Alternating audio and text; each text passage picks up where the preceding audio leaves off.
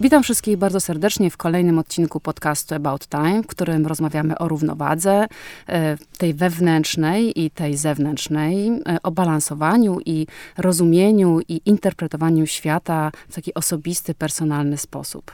A dzisiaj porozmawiamy o balansie międzypokoleniowym, dlatego moimi gościniami są Katarzyna Krzywicka z Dunek i Dorota Peratriakiewicz, partnerki VR Center, y, socjolożki, specjalistki od badań jakościowych i segmentacyjnych na Instagramie jako socjolożki.pl. Witam Was, dziewczyny. Dzień dobry, dzień, dzień dobry. dobry. Dziękujemy za zaproszenie. Witamy wszystkich. Bardzo chętnie porozmawiamy na taki temat. To może zaczniemy od takich fundamentów, bo jest mnóstwo takich kontrowersji. Te X, Y, Z, alfa, beta, snow, snowflakes i mnóstwo innych e, e, nazw powiecie nam, kim są te wymienione przeze mnie generacje i jak je można zidentyfikować? E, więc te generacje e, przede wszystkim e, to są, one się koncentrują na tym, w jakim otoczeniu społecznym dorastały tak naprawdę te osoby. Zacznijmy od baby boomersów, to jest pokolenie powojenne.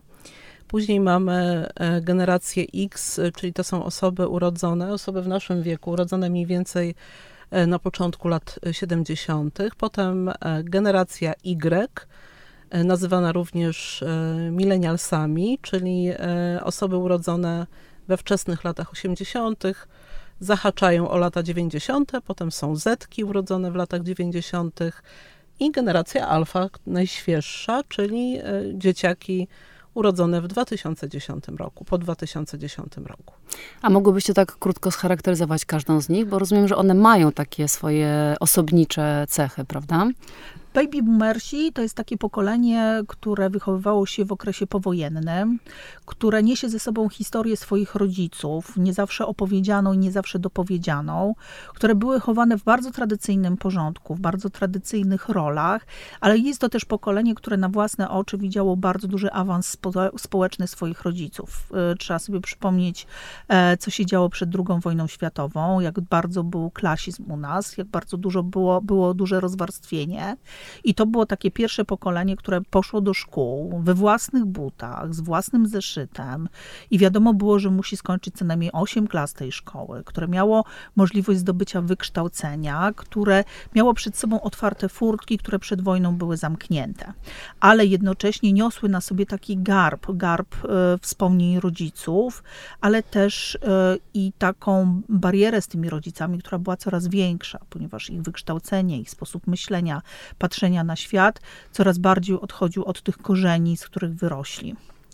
Z kolei generacja X, e, czyli osoby urodzone w czasach PRL-u i e, to dzieciństwo w czasach niedostatku e, doświadczające, a później wchodzące w wiek dorosły już w momencie transformacji ustrojowej.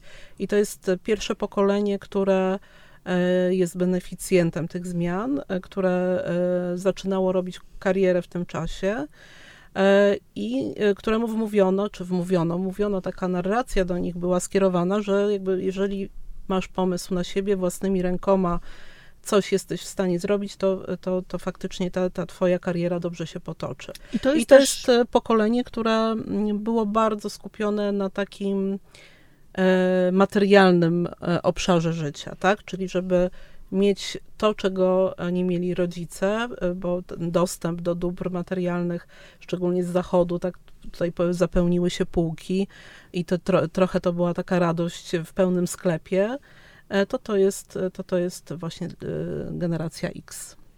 Tak sobie pomyślałam, że ta generacja X to też jest taka pierwsza generacja, w której przypadku okazało się, że szczęście ma bardzo dużą e, wagę. Mhm. I że te wszystkie nauki, które wynosiło się z domu o ciężkiej pracy, o codzienności, o tym, że żeby zdobyć sukces trzeba bardzo ciężko pracować, okazały się nie do końca prawdą. To są czasy bardzo szybkich karier, e, opartych na braku umiejętności, uczciwie rzecz biorąc, za które potem pokolenie Y bardzo mocno zapłaciło bo na tym wierzchołku zostali nieliczni, a, a bardzo wiele osób odniosło sukces, a potem ten sukces straciło. E, I z tego powodu to pokolenie X jest pokoleniem mocno rozgoryczonym, bo ci, którzy zdobyli sukces, obecnie muszą jak bardzo ciężko na niego pracować, żeby się utrzymać, a ci, którzy tego sukcesu nie odnieśli, są rozgoryczeni, bo im się wydaje, że to nie zależało od ich pracy, tylko od ich szczęścia. No i później mamy milenialsów, o których bardzo dużo y, już powiedziano, napisano, e, książek, e, seriali i tak dalej. E, są to osoby, które urodziły się w latach 80., tak jak powiedziałam, i już to swoje takie nastole, nastolenstwo, nasto, nastoletni wiek przeżywało w czasach transformacji ustrojowej nie, no, mo, mo, mogą to być dzieci e, osób z generacji X. E, I jest to pokolenie wychowane mm, w takim kulcie wykształcenia że jakby powiedziano im, że jeżeli zdobędziesz wyższe wykształcenie, to w zasadzie możesz wszystko. A jak jeszcze ten, znasz angielski? Jak jeszcze znasz angielski, a ja się nie uczyłam, nie uczyłam, nie uczyłam w swojej w szkole tylko innego języka, więc możesz zdobyć świat. Więc również w takim kulcie edukacji, że ta edukacja miała przynieść, e, przynieść sukces. To, co Dorota powiedziała, że w przypadku generacji X liczył się, liczyło się szczęście i być może e, przedstawiciele generacji X mówili, no dobra, no ale e, jednak, jednak trzeba coś umieć.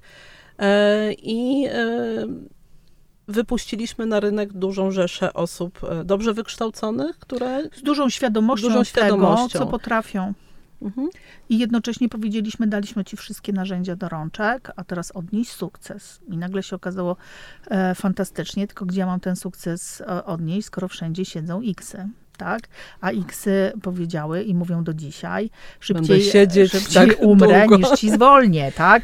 I to jest trochę na tej zasadzie, że e, te Y, które są czasami 10 lat tylko młodsze od Xów, nagle zauważyły, że nie ma dla nich miejsca i nie mogą awansować dalej. I że e, te fantastyczne prace, które mieli wykonywać w korporacjach i nie tylko, polegają jednak na zarządzaniu na średnim poziomie, ze średnią władzą, ze średnimi e, obowiązkami, ze średnimi prawami, ale też ze średnim wynagrodzeniem. I to, co powiedziałaś o równowadze, to jest pierwsze pokolenie, które zaczęło mówić o tej równowadze między pracą. Bo ją straciło e, bo, bo ją straciło między pracą a czasem wolnym, między pasjami, a takim zaangażowaniem i kultem, e, kultem e, obowiązków, wykonywania obowiązków.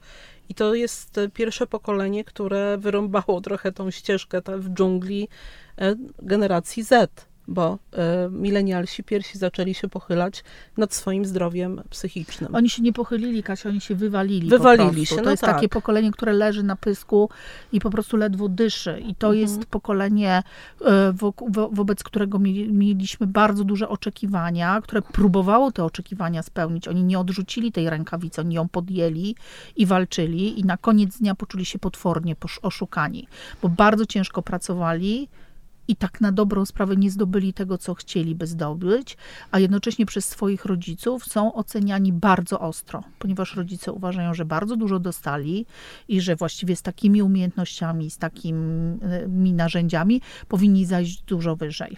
Więc jest to takie pokolenie, które w jest rozkroku. w bardzo dużym rozkroku.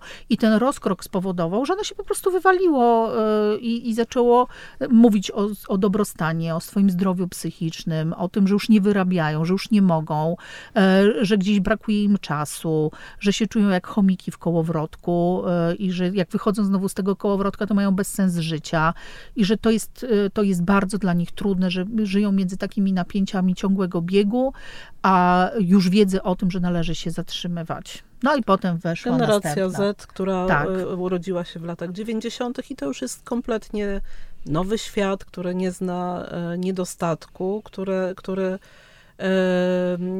pokolenie, które dostało naprawdę dużo od e, swoich rodziców, e, przeświadczonych e, o tym, że dam ci tak dużo to, czego ja nie miałem.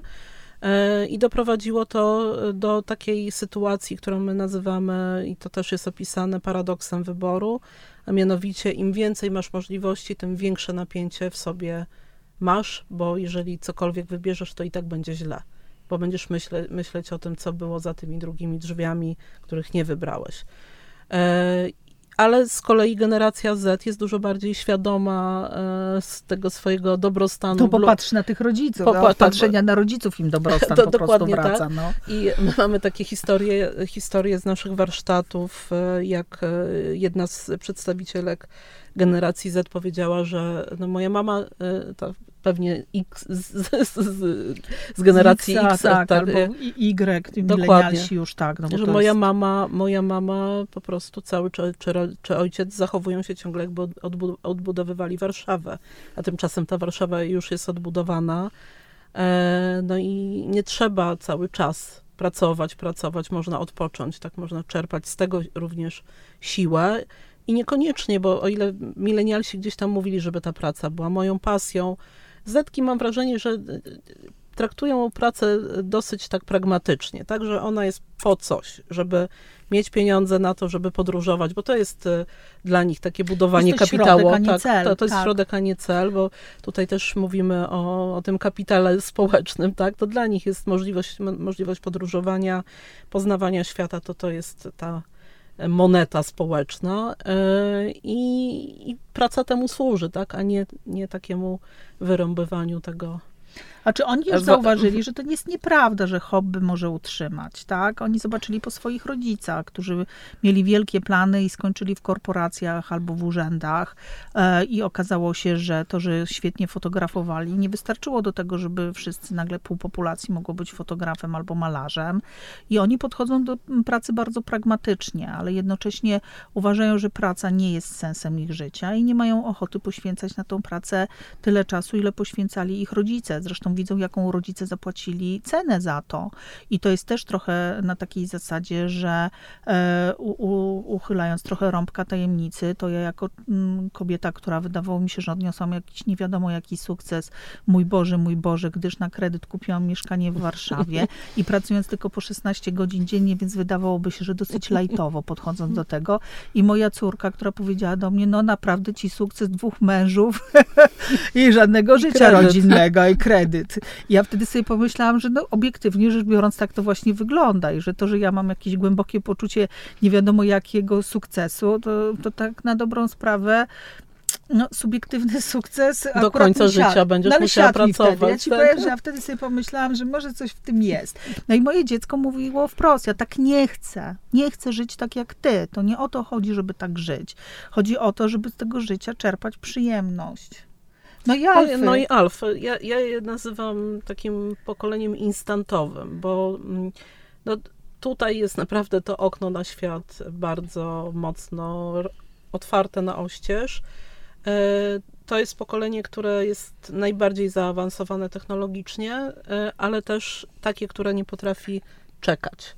Tak? Na jak, nic. Na nic. Jak my milenialsom mówiliśmy, musisz tutaj konsekwentnie, ta konsekwencja. Krok tak? po kroku, krok po kroku. Po Jeżeli y, pomyślałeś sobie, że będziesz się uczył języka, no to po prostu lecisz tą drogą, tak? Albo jeżeli y, kształcisz się w jakimś zawodzie, to bądź konsekwentny. Tutaj nie ma tego, tak? Tu jest naprawdę próbowanie różnych rzeczy, e, szybkie, oczekiwanie na szybki efekt, tak? Na szyb, szybką gratyfikację e, tych, tych, e, tych działań e, i absolutny taki głód ciągłego doceniania. Z Alf tak, prawda? Się, czekaj, czekaj, przypomina no. mi się anegdota. Dla mnie kwintesencją Alfy to jest taka mała dziewczynka w sklepie Decathlon, która siadła na rowerku i ten rowerek się wywrócił. Więc ona siadła jeszcze raz, ten rowerek się wywrócił. A mówi, tato, ten rowerek jest zepsuty, on nie jeździ. I ja mam wrażenie, że to jest właśnie coś takiego, tak? E, że nawet jej nie przyszło do głowy, że to wymaga jakiejkolwiek umiejętności czy ćwiczenia. Dla niej było to oczywiste, że ona wsiądzie na ten rowerek i on przepięknie pojedzie, rozwiewając Ja, ja uwielbiam coś. E, takie filmiki e, nie wiem, w mediach społecznościowych porównujące w różnych sytuacjach generacje i powiedzmy jak dzwoni telefon, no oczywiście baby boomers od razu odbierze. Staje przedstawiciel, na tak, tak. przedstawiciel generacji X również jest doskonale przygotowany. Millennial schowa się za firanką i patrzy, czy przestanie wreszcie dzwonić. Generacja Z ma tam wyciszony zawsze ten telefon, a Alfę to już po prostu z nad tych różnych urządzeń tylko patrzą, patrzą co, kto dzwoni i, i też nie zwracają na to uwagi. Wszystko, wszystko prawda, tak sobie słucham i o sobie, i też o mojej córce, która rzeczywiście jest, jest alfą. Zobaczymy, co będzie dalej. A powiedzcie, no bo te pokolenia zawsze się od siebie jednak różnią. I mnie mhm. ciekawi, czy to jest jakoś ewolucyjnie uzasadnione, że te pokolenia muszą się od siebie różnić po to, żeby się zmieniać e, i zmieniać trochę ten świat? Bardzo trudne pytanie zadajesz, no bo ewolucja oczywiście polega na tym, że jedni uczą się od drugich i przeważnie jednak młodsi uczą się od starszych. Teraz jest tak, że wszyscy się uczymy od wszystkich i mam wrażenie, że mamy już po pokrywkę tego uczenia się czegokolwiek, e, że jesteśmy wszyscy już przebodźcowani i wiedzą, e, i różnymi schematami, i sposobami komunikowania się, i tego, i śmego, i owego.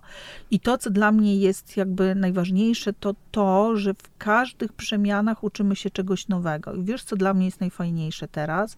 Że my się uczymy tego, jak od tych bodźców się od, oderwać, jak znowu zacząć żyć normalnie, jak zostawić tą całą elektronikę i zamknąć się w pokoju, i tego się uczymy i od starszych, i od młodszych. Ja mam wrażenie, że nasza elastyczność w tym momencie nam pokazała, że to już jest na tyle, że dalej już elastyczni być nie możemy. I teraz ta zmiana, nie wiem, czy się Kasia ze mną mhm. zgodzisz, polega na tym, żeby odcinać kolejne rzeczy. I robią to młodzi ludzie poprzez to, że zamykają się w pokoju i wywieszają kartkę obcym wstęp wzbroniony, tak? I, yy, i starsi, którzy muszą się tego nauczyć, że to, że obcym jest ten zbroniony, to oczywiście możemy wisieć na tej klamce i krzyczeć, to są moje drzwi w moim domu, proszę mi natychmiast otworzyć. Mhm. Ale możemy też sobie pomyśleć, ej, przecież po, po tej stronie drzwi, co ja jestem, nie ma mojego dziecka, więc prawda jest taka, że te drzwi są zamykane w dwie strony, czyli to, że ona może się odbodźcować, ja w tym samym czasie też mogę się odbodźcować. Hurra, hurra, tak. przestańmy wisieć na klamce, idźmy i zajmijmy się swoimi rzeczami. Faktycznie to się teraz przemieszało, bo jest e, takie dwa terminy uknęła, ukuła antropolożka Margaret Mead, czyli społeczeństwo postfiguratywne i prefiguratywne, polegające na tym, polega to na tym, że albo starsze pokolenie uczy młodsze, przekazuje różne, nie wiem, zwyczaje, takie sposoby postępowania, jak sobie radzić z dziećmi, albo odwrotnie, to młodsze, kiedy ten rozwój technologiczny jest e, taki, na takim wysokim poziomie, uczy to, to starsze pokolenie. Natomiast e, właśnie te kompetencje się teraz zrównują. E, to nie jest tak, że starsze osoby kompletnie na przykład nie wiedzą, jak korzystać z internetu. Tak na przykład za ich czasów ten internet zaczął funkcjonować, więc no, ta współpraca i, i wzajemne, wzajemne czerpanie od siebie. Nie wiem, jak teraz Margaret Mead by nazwała to nasze społeczeństwo postprefiguratywne. Hmm. Może tak być. Wiesz co, ja sobie myślę o czymś takim, że myśmy się bardzo zaplątali w taką przekazywanie własnej perspektywy. Że kiedyś było wiadomo, że moja perspektywa jest moją perspektywą i trudno ją przełożyć komuś innemu. I tutaj znowu pan mhm. Osowski, mhm. że tak powiem, o nieprzekładalności perspektyw. Natomiast my, mając kolejne narzędzia, uznaliśmy, że musimy tą perspektywę swoją jednak przełożyć na rzeczywistość i wszystkim pokazać naszą perspektywę. I ja mam wrażenie, że myśmy zgubili w końcu tą perspektywę, że myśmy tak strasznie starali się pokazać naszą perspektywę i przekonać wszystkich do tego, że ta nasza perspektywa jest tylko i wyłącznie jedyną możliwą perspektywą, że teraz zaczynamy się cofać i myśleć sobie, hmm, no może to jednak ja jestem taka, może powinnam jednak wejść do głębi, może powinnam się trochę nad sobą zastanowić, a może powinnam po prostu pomilczeć sama ze sobą, że nie muszę cały czas się kopać w zadek i kazać sobie robić następnych rzeczy, że dobrostan również polega na braku działania e, i że niekoniecznie muszę zawsze, za każdym razem tą swoją perspektywę wywalać, że może jest fajne to, że ludzie mają różne perspektywy, może to też uczy elastyczności i szacunku dla inności. E, I ja mam wrażenie, że to najnowsze pokolenie, tak, e, alfy, jeszcze nie, ale już zetki nam to pokazują.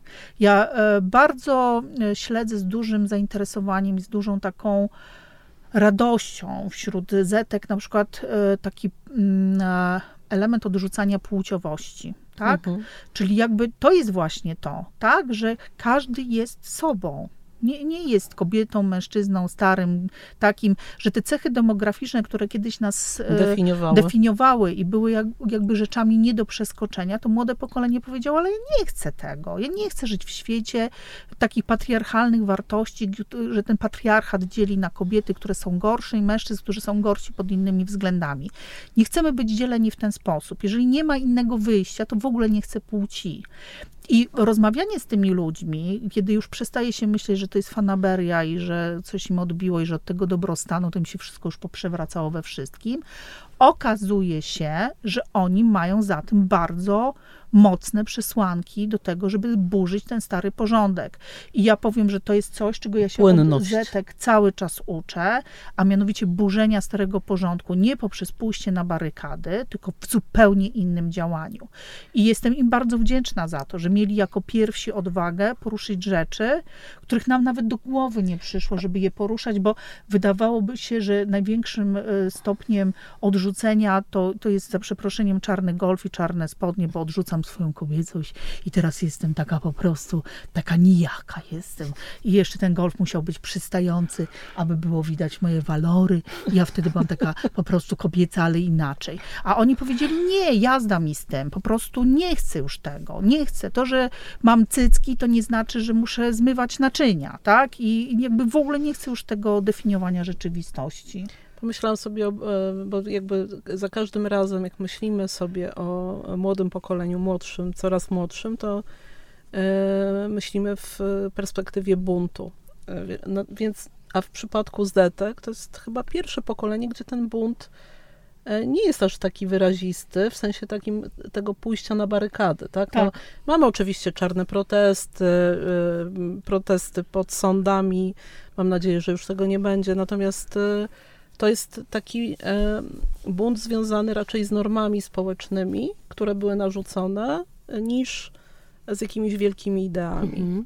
No z tego, co mówicie, to tak brzmi, jakby te zetki tak naprawdę nie sprzeciwiały się wobec tego, co jest albo było. Ale tylko sprzeciwiają się. Ale nie, bo mhm. one nie idą tak rozumiem, że one się nie buntują przeciwko czemuś, tylko idą za swoimi nowymi tak, jakościami. Tak, I one tak. nie wynikają z kontrastu do tego, co jest, tylko jakby wynikają w ogóle z ich potrzeb, prawda? Tak. I jakichś tam e, refleksji. To co? To znaczy, że teraz jest jednak ta różnica pokoleniowa, czy ten konflikt międzypokoleniowy jest jednak inny niż był, nie wiem, e, trzy, cztery pokolenia wstecz?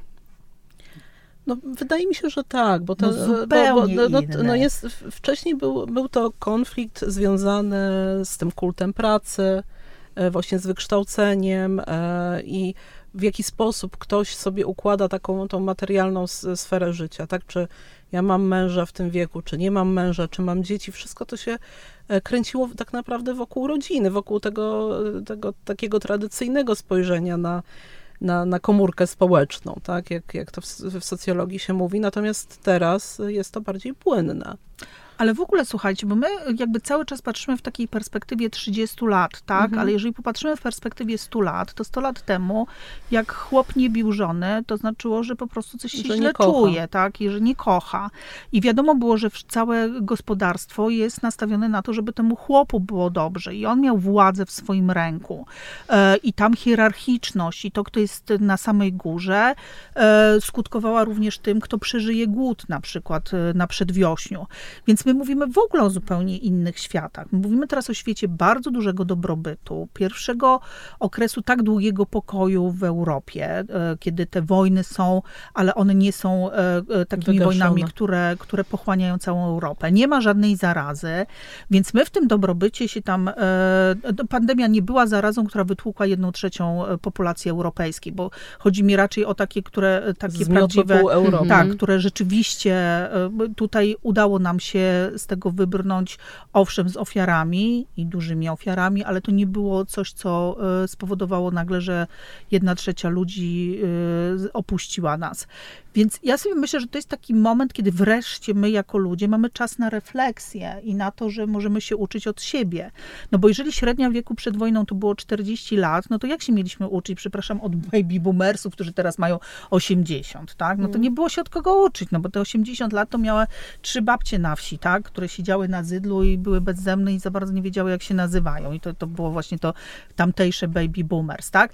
Jak się można było uczyć od dzieci, jak, jak dzieci walczyły o przetrwanie i o to, żeby miały co jeść. I tak na dobrą sprawę każde pokolenie głównie walczyło o to, żeby, żeby móc. To teraz jest ten moment, kiedy mamy zaspokojone wszystkie potrzeby podstawowe i możemy się w ogóle zacząć zastanawiać nad tym, jak my jako gatunek, jako ludzie mamy potrzeby rzeczywiście. Ale, ale Dorota, y, myślę sobie o tym, że tak, że y, mamy czas nad, nad tym, żeby się zastanawiać nad tym, jacy my jesteśmy indywidualnie i faktycznie jest taki zwrot jakby ku sobie, tak? ku, ku swojemu wnętrzu, ku, te, ku tej takiej wewnętrznej wolności.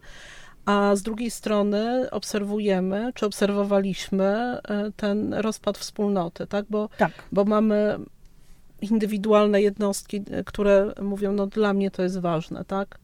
O no, Jezu, to tak, Dla mnie, dla mnie nie to jest przestrzeni, albo nie mam przestrzeni, nie mam albo nie chcę wyjść poza swoją strefę komfortu, komfortu i tak dalej. Więc ten wgląd w siebie jest oczywiście bardzo istotny, bo dochodzimy do tej płynności tak e, płciowej w definiowaniu rodziny i tak dalej, a z drugiej strony no gdzieś te podziały, tak, podziały, rozpad wspólnoty, nie, nie mamy takich to, co rozmawiałyśmy wcześniej e, przed, przed nagraniem, że my mamy takie zrywy wspólnotowe, tak? Kiedy mamy wspólnego wroga, kiedy jest jakieś napięcie, kiedy musimy zebrać dużo pieniędzy i to są takie jednorazowe, e, nie chcę powiedzieć wyskoki, ale takie, takie, takie właśnie no to jest wydarzenia. Takie biegnięcie, że mamy jednak stado, ale tak. jak już to stado zgromadzimy, to jednak co my potem jesteśmy, z nim zrobić? Tak, co my zrobić? I to, to jest na pewno jakiś problem w ogóle kulturowy mm. i dotyczy wszystkich pokoleń.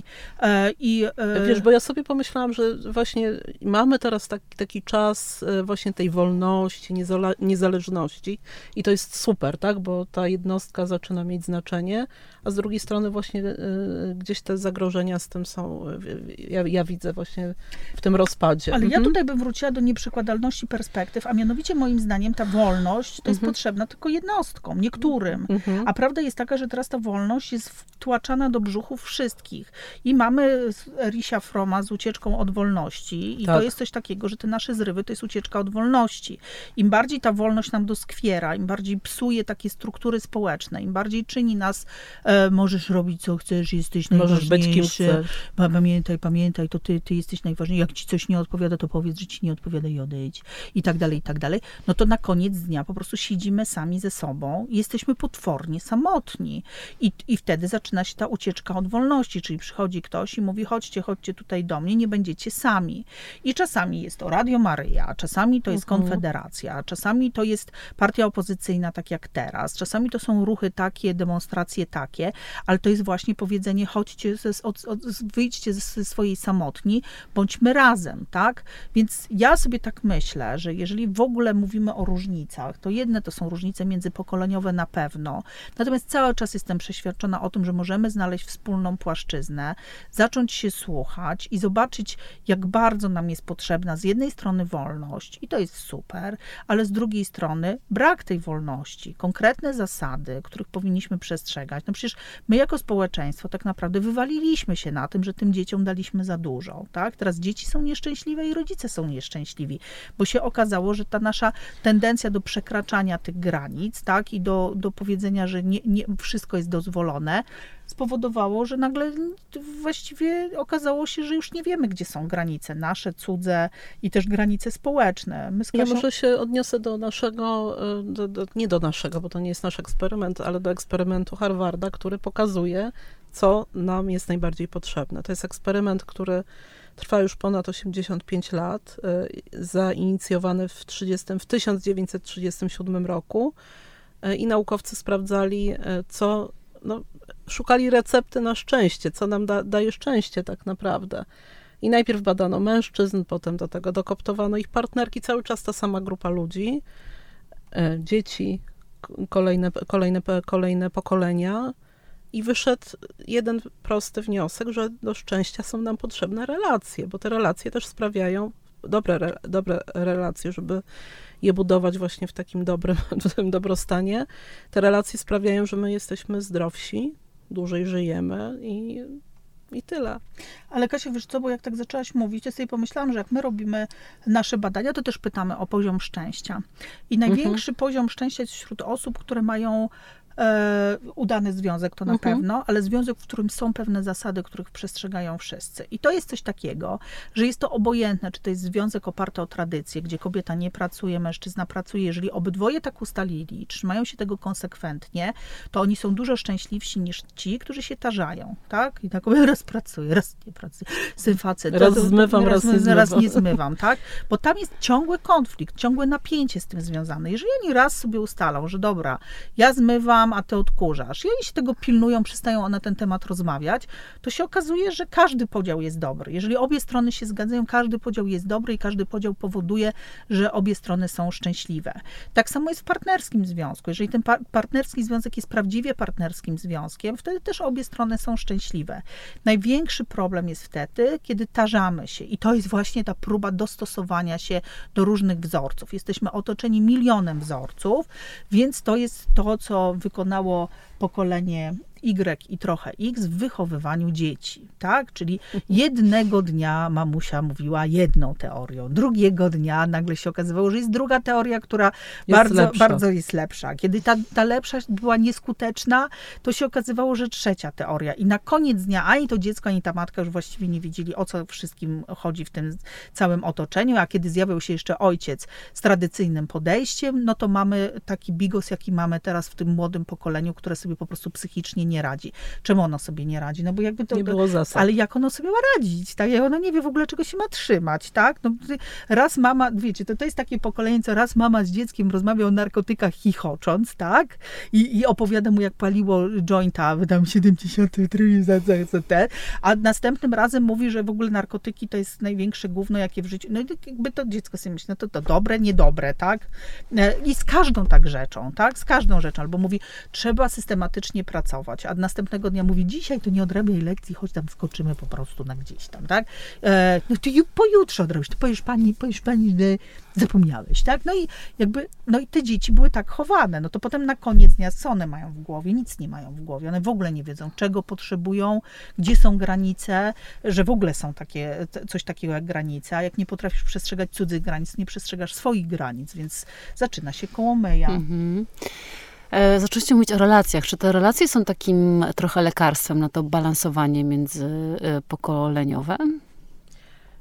E, wiesz co, właśnie pokolenie Z nam powiedziało, że gdzieś te relacje między nimi a rodzicami zostały zagubione, bo zerwane, e, zerwane bo rodzice byli skupieni na zapewnieniu tego materialnego bytu rodzinie, na, na mm, E, zarabianiu na te kredyty frankowe, żeby dziecko miało mieszkanie, tak jak dorośnie.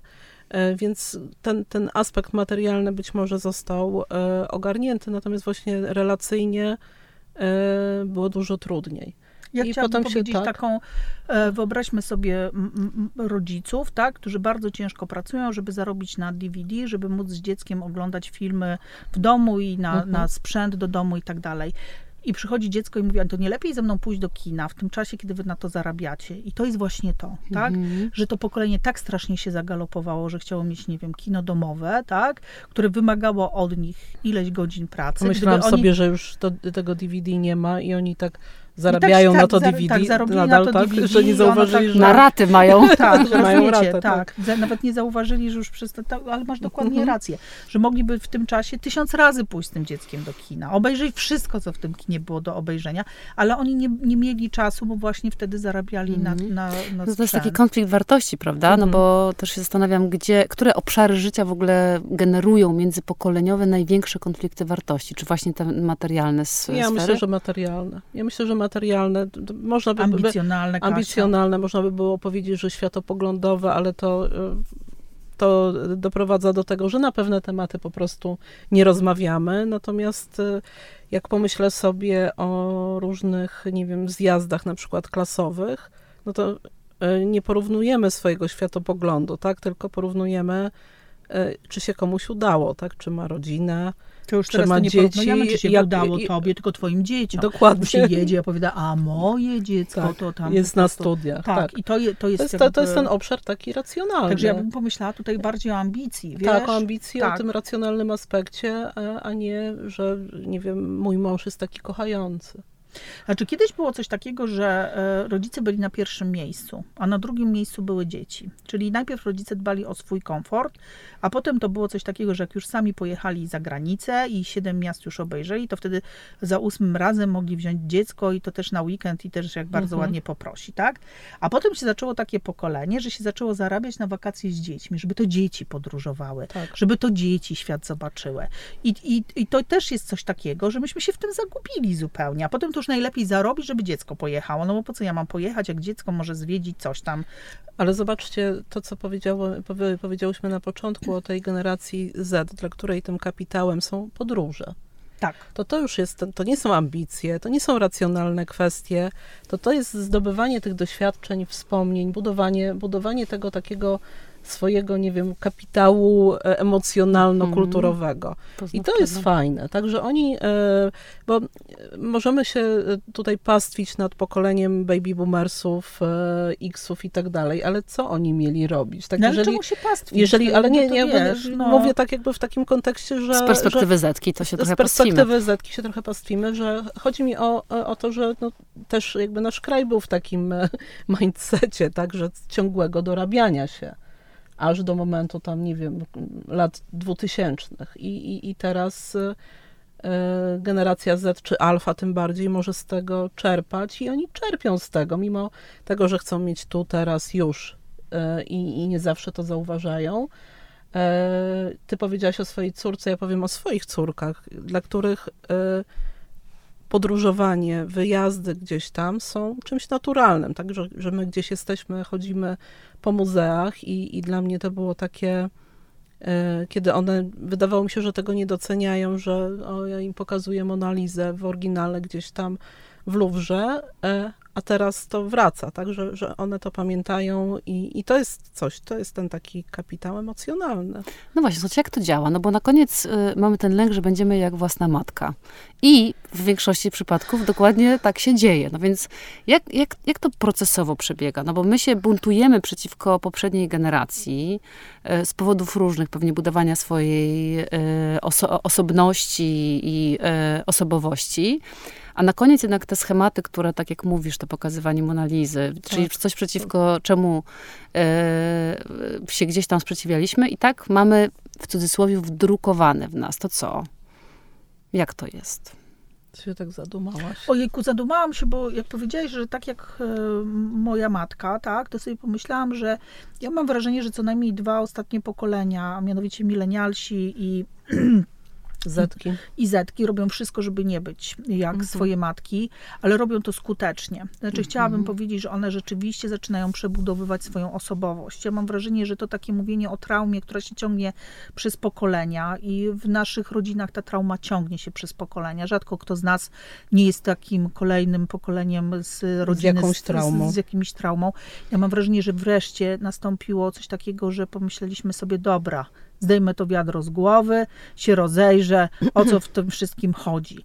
I że te pokolenia są już innymi pokoleniami właśnie dlatego. Właśnie dlatego, że one zrozumiały, że nie tylko tężyzna fizyczna i nie tylko e, praca systematyczna i nie Wokulski z czerwonymi rękoma, tylko, że jest coś takiego jak prawda o samym sobie, że jest, są pewne rzeczy i schematy, które mamy w sobie wdrukowane, że są pewne koncepcje wręcz, które zostały nam sprzedane, których nie zauważyliśmy. I mam wrażenie, że te dwa pokolenia bardzo ciężko nad sobą pracują, żeby nie być jak swoja matka. E, I dlatego ja myślę, że my odchodzimy od tego, że jaka córka, taka matka. Wręcz mam wrażenie, że bardzo dużo córek tłumaczy matkom, co się zadziało w ich Mhm. życiu i że dzięki temu te matki, nawet w okresie starszym, zaczynają dostrzegać pewne schematy, według których postępowały i że jeżeli córki wykonają pracę, to ten kontakt z matką zaczyna wyglądać zupełnie inaczej. Więc ja tutaj bym powiedziała, że y, pozwolę się z panią nie zgodzić, proszę pani, jeżeli chodzi o ten schemat. Ja myślę, że mamy dużo większy problem z tym, że mężczyźni i ich ojcowie, jest coś takiego, że mężczyźni cały czas nie wiedzą, jak pracować nad sobą i gdzie szukać, gdzie szukać miejsca na to, żeby się rozwinąć, gdzie szukać miejsca, które rzeczywiście ich boli, gdzie oni na razie są na etapie takim, że szukają wiadra, oni mają jednak głowie, tak, prawda? Tak. Ale to jeszcze chwila musi upłynąć pomożemy im w tym. Pomożemy, ale wiesz co, to pociesz, pocieszające jest to, z naszego badania wynika, to, to był dla mnie super wniosek, bo zapytaliśmy i kobiety, i mężczyzn, co daje im moc. Tak. E, I mężczyznom największą moc daje miłość partnerki. I to jest super. Kobietom e, samodzielność. Czyli odwróciły się te światy zewnętrzny i wewnętrzny, ale miłość partnerki znowu wracamy do relacji. Albo zawsze takie były, ale nikt ich nie artykułował tak, w taki tak. sposób, albo nie był ich e, ale oni świadomy. Się artykułować swoje potrzeby. E, ja myślę, że u mężczyzn, kiedy rozmawiałyśmy, bo robiłyśmy teraz wielkie badania o mężczyznach, za chwilę będzie konferencja na ten temat i w ogóle jesteśmy w, trak w trakcie przygotowań. Ja myślę, że u mężczyzn ta sprawczość była najważniejsza. Jeszcze do pewnego momentu była najważniejsza. Natomiast oni od swoich partnerek uczą się, jak ważna jest relacja, jak dużo można z tej relacji dostać, a potem patrzą na swojego ojca i myślą sobie: O nie, a czy nie, zrobię wszystko, co w ludzkiej mocy, żeby nie skończyć z tym browarem na tej kanapie, z tą matką, która będzie omiatać mnie odkurzaczem. To znaczy, ja naprawdę nie chcę tam być to trzymajmy kciuki, żeby tam nie wylądowali, bo będzie to z korzyścią dla nas y, wszystkich. No dobra, no to jaki jest, słuchajcie, taki przepis? No bo wracam do tego balansowania, no bo rozumiem, że konflikty są potrzebne po to, żeby złapać perspektywę, spojrzeć, zbudować siebie, w ogóle odnaleźć siebie, prawda? Nie chcę być taka, bo my zawsze mówimy, dobra, nie chcę tego, tego, tego, ale zanim dotrzemy do tego, co chcemy, no to to jest jakiś e, proces. No i e, pytanie, jak tą równowagę, e, gdzie się skupić, nad czym pracować. Mówię nawet tak jednostkowo czy generacyjnie, żeby jednak ta równowaga, czy ten przepływ tych informacji, tych wartości i tej mhm. nauki e, był sensowny. Może powiem trochę patetycznie, że na wzajemne zrozumieniu i słuchaniu siebie, bo nie zawsze fakt, że ja jestem starsza, oznacza, że mam rację, albo że mój przepis jest dobry. I, i to jest moja taka krótka recepta. A ja sobie myślę, że tak jak e, młodzi walczą z e, tymi płciami, tak, i pokazują, że płeć nie powinna determinować, to ja uważam, że ludzie dzielą się na tych, którzy chcą doświadczać i nie chcą doświadczać. I to nie jest mhm. związane z wiekiem. I że to jest coś takiego, że Panie Boże, aby moje struktury poznawcze jak najpóźniej zesztywniały, aby mi się chciało poznawać innych ludzi, aby mi się chciało poznawać inne perspektywy, i abyśmy wszyscy tak mieli. I wtedy nie będzie ważne, z jakiego jesteśmy pokolenia. Po prostu będziemy się słuchać nawzajem jako ludzi, którzy mają coś do powiedzenia, ich inność będzie nas ciekawić, a nie przerażać. No i to dotyczy nie tylko pokoleń, prawda? Tylko nawet w tym samym relacji pokoleniu, jakby relacji międzyludzkich. Y, w ogóle no, ta otwartość, o której mówicie rzeczywiście i rodzaj akceptacji, która też jest potrzebna, e, jest do tego niezbędna. A co, słuchajcie, co, co dalej? No bo z tego, co mówicie i opisaliście te kilka, te pięć pokoleń e, wstecz, e, no to trochę rzeczywiście wychodzimy z tego takiego zapewnienia sobie bytu, czyli materialnego, ale też pewnie jedzenia, czyli takich podstawowych jakby mhm. funkcji, do wejścia do wewnątrz, ponieważ już mamy zapewnione podstawowe funkcje i jakieś takiego rozpoznania siebie w środku. Jak myślicie, w którą stronę to się rozwinie w kolejnych pięciu pokoleniach? O, To jest wróżenie, wróżenie z, trochę z Wiadomo. E, to jest uzależnione od sytuacji e, społeczno-politycznej, bo musimy pamiętać, że w momencie, kiedy nadchodzą kryzysy, my się cofamy e, do domu, tak, do e, tego gniazda bezpieczeństwa. To, co się zadziało w czasie pandemii, to pokazało, że jakby te wszelkie górnolotne idee e, gdzieś tam nam umknęły, a ważne, jest, ważne było zapewnienie sobie bytu. I znowu relacje, tak, czy my mamy kogoś, kto nas wesprze, pomoże, pójdzie po zakupy, zrobi obiad i pomoże mm, w lekcjach, no to będzie zależało od tego, jak, jak ten nasz świat się potoczy. Czy my będziemy bardziej szli w kierunku właśnie coraz większego zgłębiania swojego indywiduum, czy ku wspólnocie, Czy będzie wojna, czy, czy technologie spowodują, że my te relacje e, Gdzieś utracimy, zagubimy. Gdzieś zagubimy. Plus y, jeszcze sobie myślę o tej takiej multiosobowości, no bo za chwilę wejdzie metavers, gdzie tak naprawdę będziemy mieli awatary, więc w ogóle będziemy wieloma postaciami naraz, więc też pytanie, co z tymi relacjami i e, budowaniem wspólnot, o których już wcześniej wspomniałyście. A ja sobie pomyślałam zupełnie inną stronę dziewczyny. Pomyślałam sobie o tym, że tak naprawdę przez ostatnich set lat jesteśmy w systemie patriarchalnym. I to, co się teraz dzieje, bez względu na to, czy nam się to podoba, czy nie, to jest coś takiego, że ten system przestaje starczać. I że on jest broniony oczywiście w histeryczny sposób, poprzez religie, które gdzieś dzielą cały czas ludzi na kobiety i mężczyzn, e, poprzez układy polityczne, poprzez e, władzę. Ale mam wrażenie, że to jest trochę tak, że w tej tamie się pojawiły pierwsze dziurki, których już nie da się załatać. I nawet jeżeli znowu każe się tym kobietom chodzić w tych prześcieradłach, tak, to one już pod tymi prześcieradłami wiedzą, jak smakuje niechodzenie w prześcieradle. Jak się każe y, y, kobietom robić jakieś rzeczy, tak, to one będą je robić, ale już będą pamiętały, jak to jest, kiedy się ich nie robiło.